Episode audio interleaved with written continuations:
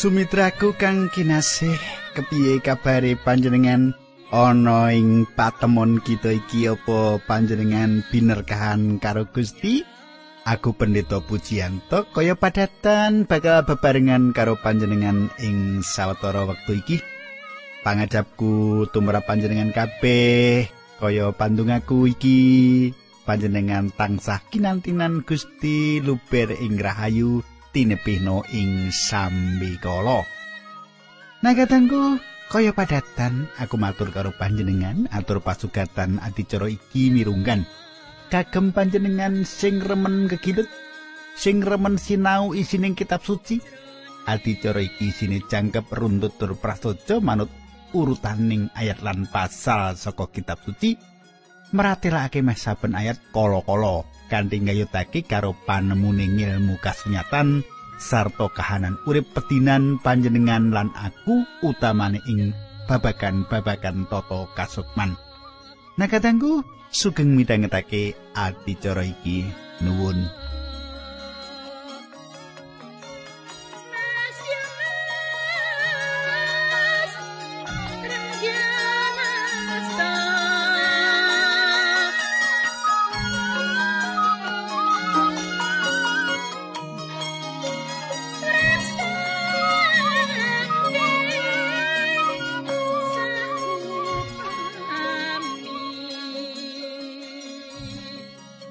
Sumitraku ing adicara kepungkur wis ndak aturake lelakon nalika Nabi Musa lan Harun ketemu prengon kanggo njaluk idi ngajak bangsa Israel metu saka tanah Mesir. Alasan sing dikandhakake marang prengon bangsa Israel arep manembah sarta atur pisungsung marang Allah. Nanging malah gawian sing diwenehake prengon marang bangsa Israel tambah abot. Monggo ndak derekake midhanget kiprahing Nabi Musa lan Harun sakteruse. Nanging sadurunge kuwi aku bakal ngaturake salam dhisik. Salam dhisik marang sedulur-sedulur sing wis nglayangi aku. Nembe wae aku nampa layang saka Ibu Estu Tri Rahayu. Estu Tri Rahayu. Kados pundi panjenengan Ibu kabaripun saya-saya to. Wah, panjenengan remen menawi midhangetaken khotbah kula wonten ing adicara margi utami. Iki. Nah, kadang kula menika Ibu Estu Triahayu sampun kaping kalih nyerati kawula. Saiki ayo kita dedonga bebarengan. Kanjeng Rama ing swarga kawula ngaturaken gunging panuwun menawi wekdal menika kawula saged tetunggilan malih kalian sederek-sederek kawula ingkang setya tuhu midhangetaken adicara menika. Kawula nyuwun Gusti nuntuni adicara menika lan kawula suwun supados manahipun para sederek kabikakno ing bab kayektosan kanthi makaten ing kesangipun saged cecaketan kalian Gusti. Dinambaran asmanipun Gusti Yesus Kristus kawula ndedonga haleluya amin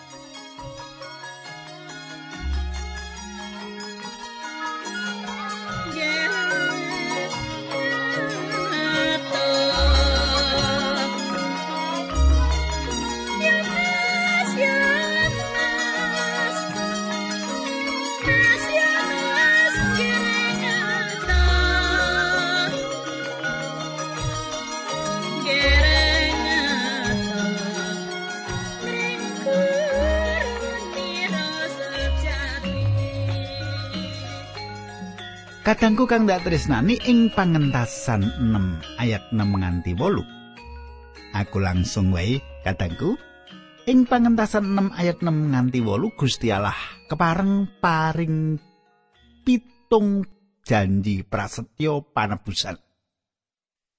Paring pitung janji prasetyo panebusan. Aku bakal Ayat-ayat iki nggambarake saebo ngidap-edapine janji iki. Apa meneh kanggone Nabi Musa lan bangsa Israel kabeh nalika iku? Duweni panjurung kanggo nindakake tekad sing wis ana ninggalake Mesir. Allah kepareng nyatakake ni lan apa sing arep ditindakake. pangentasan ayat 6 mengkini surasani Mula kandhakno marang bangsa Israel yen aku ngendika marang dheweke aku iki Allah. Aku bakal nulungi kowe kabeh sarta ngluwari kowe saka panindese bangsa Mesir. Aku bakal ngagem pangwasaku kanggo ngukum bangsa Mesir kelawan paukuman sing abot. Dene kowe bakal ndak slametake kabeh. Ayat pitu kowe kabeh bakal ndak dadekake umatku sarta aku bakal dadi Allahmu sing luwari saka panindese wong Mesir. Ayat 8 kowe bakal ndak irit kabeh menyang ing tanah sing ndak janjekake nganggo sumpah marang Abraham, Iskak lan Yakub. Tanah mau bakal ndak paringake dadi duwekmu dhewe, aku iki Allah. Katengku, janji pitung prakara bab panebus sing mau isine angka siji. Aku bakal ngluwari kowe saka panindese bangsa Mesir. Aku bakal ngluwari kowe saka panindese bangsa Mesir. Janji iki kaya dene janjine Gusti Yesus marang kita saka panindese pakarti dosa. Momotan sing abot saka dosa sing nindes kita bakal kauwalake saka urip kita kanthi pracaya lan pasrah gesang marang panjenengani Sang Kristus. Angga siji kuwi. Angga loro, aku bakal ngluwari kowe saka dadi batur tukone bangsa Mesir. Kaya dene Gusti Yesus nggone misahake kita saka tumindak dosa. Pancen mung Gusti Yesus wae sing bisa nindakake bab iki ing urip kita. Jalaran panjenengane rawuh ing donya pancen makarya kanggo ngluwari manungsa saka dosane. Kowe bakal ndak irit kabeh menyang ing tanah sing dijanjekake lan ngluwari saka panindese bangsa Mesir ngono dawi Angka telu aku bakal ngluwari kowe kanthi panguasaku pribadi. Pakaryan astane sing maha kuwasa disebutake ana ing kitab Nabi Yesaya pasal 53 Pasal 53 ayat siji mangkene surasani wangsulane umat Allah. Sopo sing ngandel karo kabar sing kita rungu lan sopo sing ngerti yen kuwi kabeh pakaryane Allah?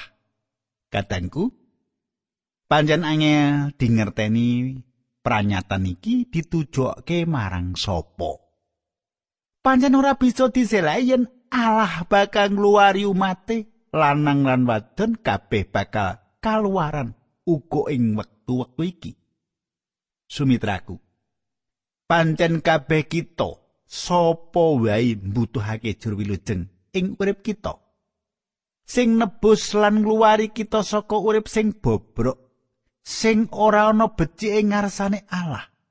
Mongko panjenengane banget nggone tresno marang kita.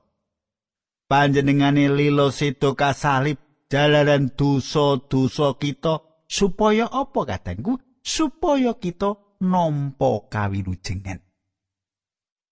Yen kanthi lilo legawa panjenengane wis ngorbanake gesangi kanggo kita wis sak mesine yen kita uga kanthi lilo legawa marek sowan lan pracaya marang sih rahmat sing tan bisa kinaya ngopo ora iso diukur. Kang disediakake kanggo kita. Panguasani diagem kanggo ngupayakake supaya kita wilujeng kanthi pracaya ing asmani. Angka papat.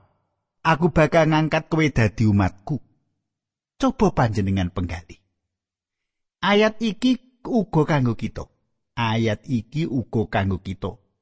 Iki mujudake janjine Allah yen arep ngangkat kita saka bleketeking dosa saka lumpuring dosa. Nuli kita kaaken dadi umate ing iman marang Gusti Yesus Kristus. Gusti Yesus ora mung milujengake kita. Banjur ditinggal ngono wae nanging panjenengane ngersakake supaya Sang Kristus iku dadi Gusti kita dadi pangeran Allah kita yen gesang panjenengan wis kawilujengake panjenengan ora bakal nduweni pangrasa yen Allah iku ora ana. Yen panjenengan wis percaya marang Kristus, yen panjenengan percaya marang Gusti Yesus dadi juru wilujeng panjenengan, gesang panjenengan bakal dadi anyar.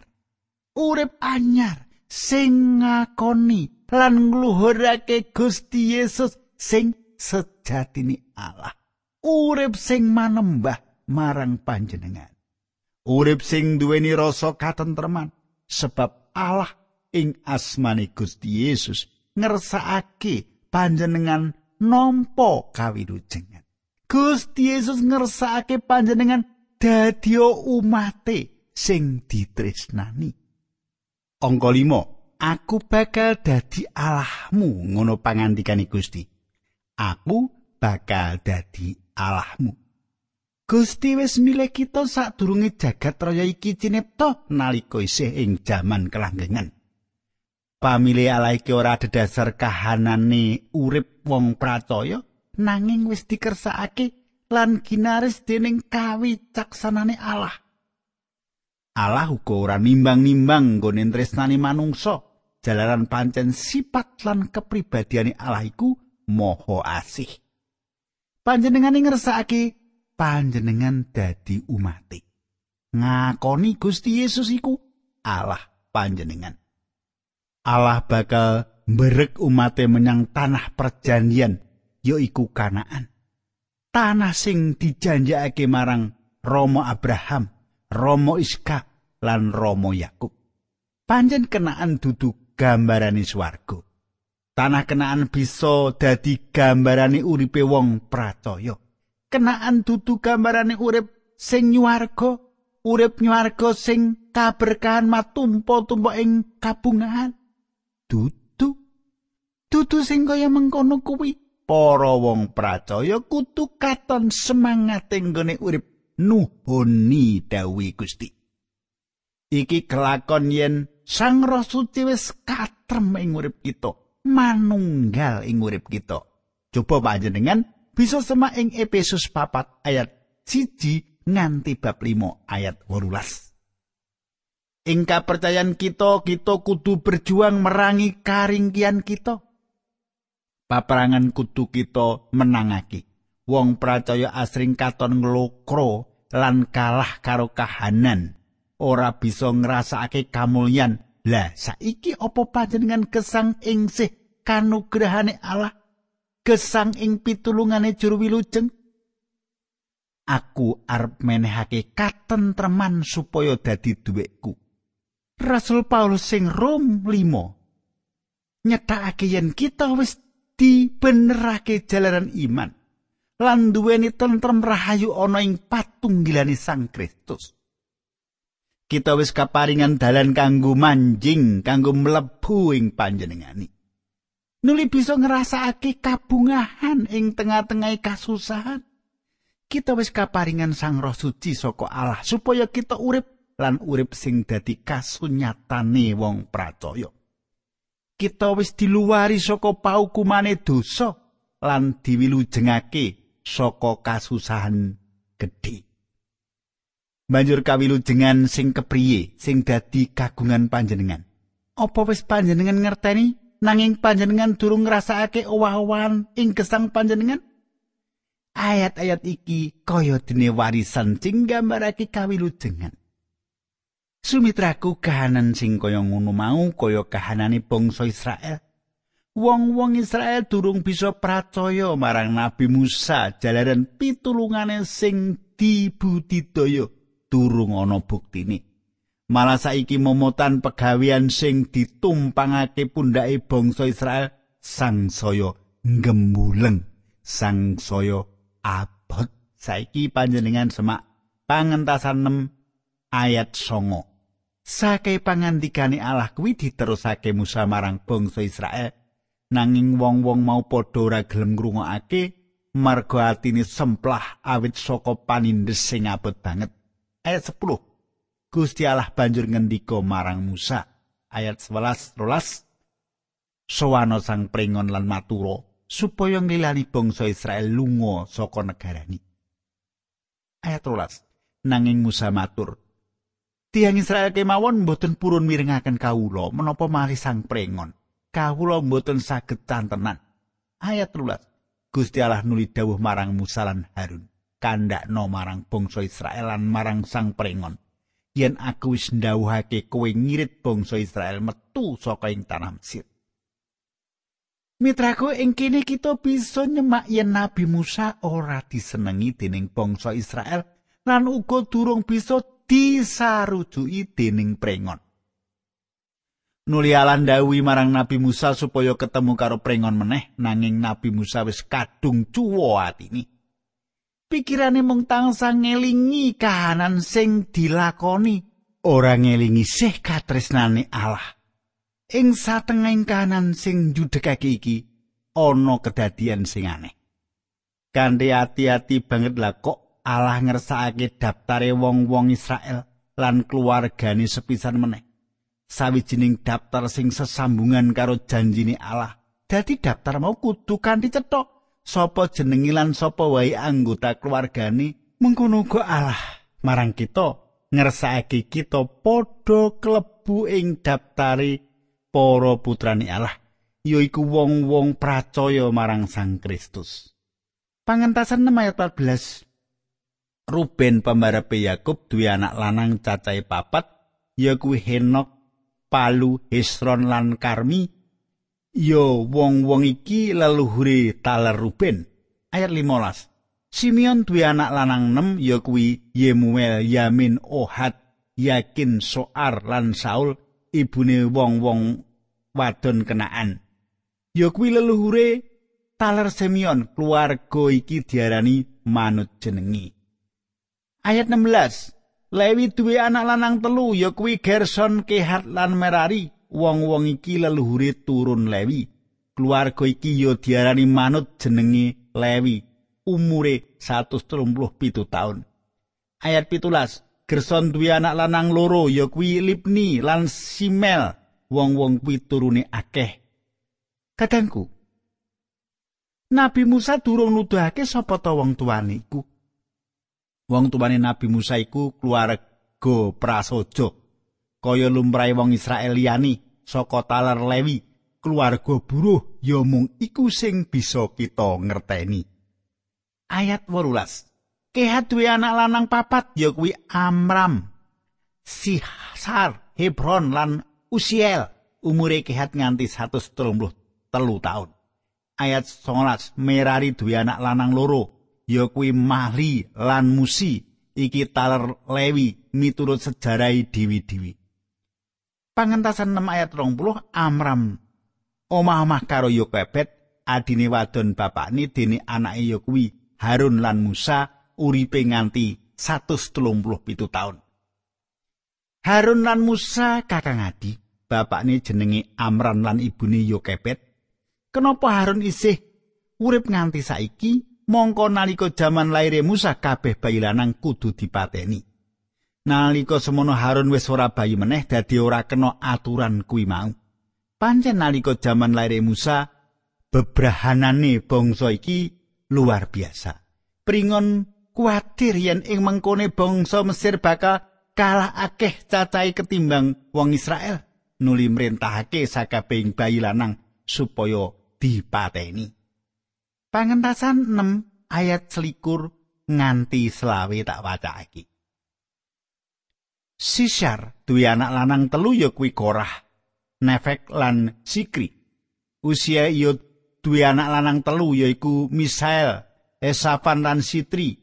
Harun nikah karo Eliseba, anake wadon Aminadab, iya sedulure wadon Nahason, duwe anak Nadab, Abihu, Eliasar lan Itamar.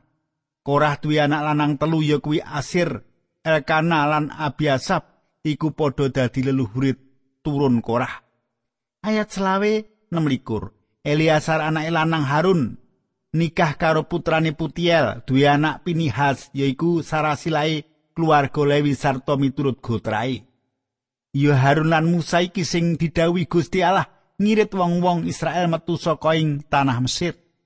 Ayat 17 likur wong loro kuwi sing ngaturi sang pringon supaya mbebasake wong Israel. Gusti Allah ngendika marang Musa ing tanah Mesir, "Dawi, aku iki pangeran Allah.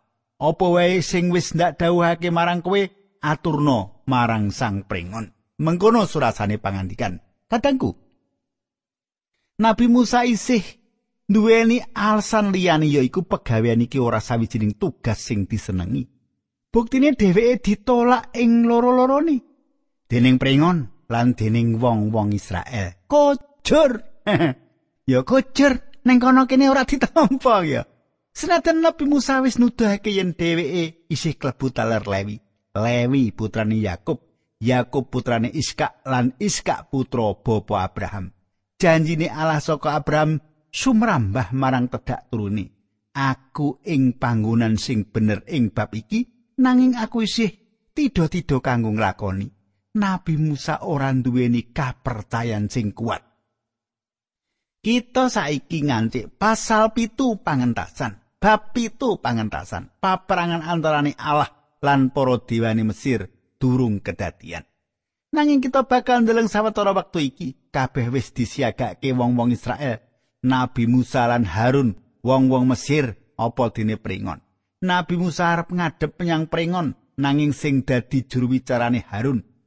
Apa Nabi Musa bisu, gagap utawa ana sebab liyane sing asipat psikologis.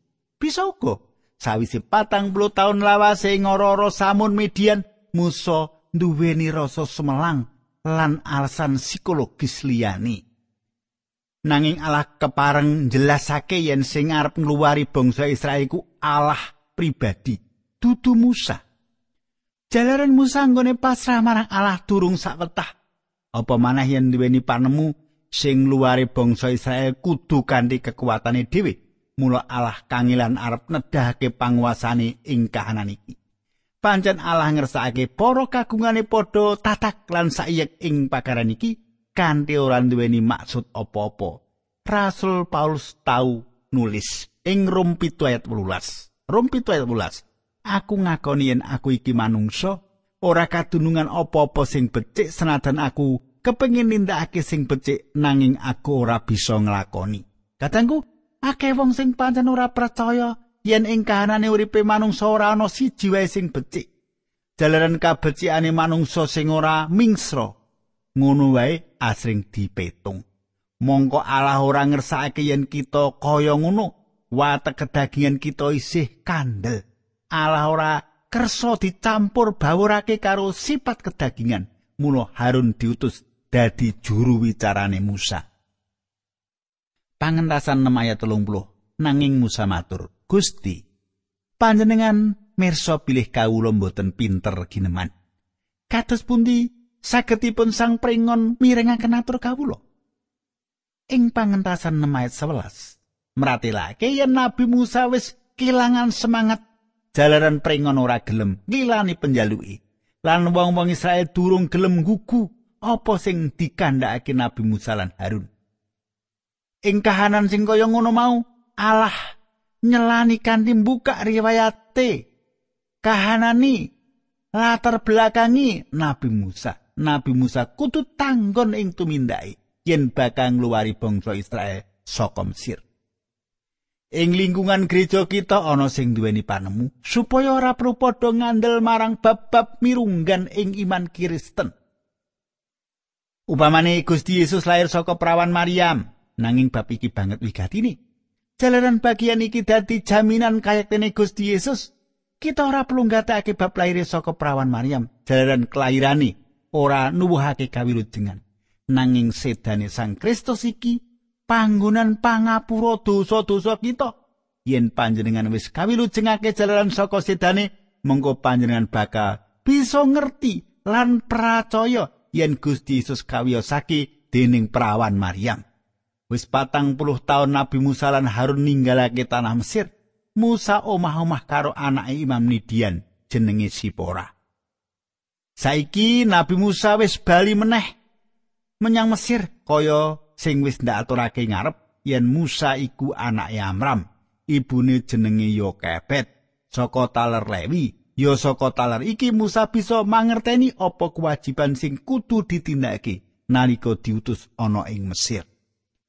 Pangentasan ayat siji Gusti Allah ngendika marang Musa, "Aku bakal ndadekake kowe kaya dene Allah ing ngareping Sang Pringon, lan sedulurmu Harun bakal micara minangka nabimu." Sumitraku.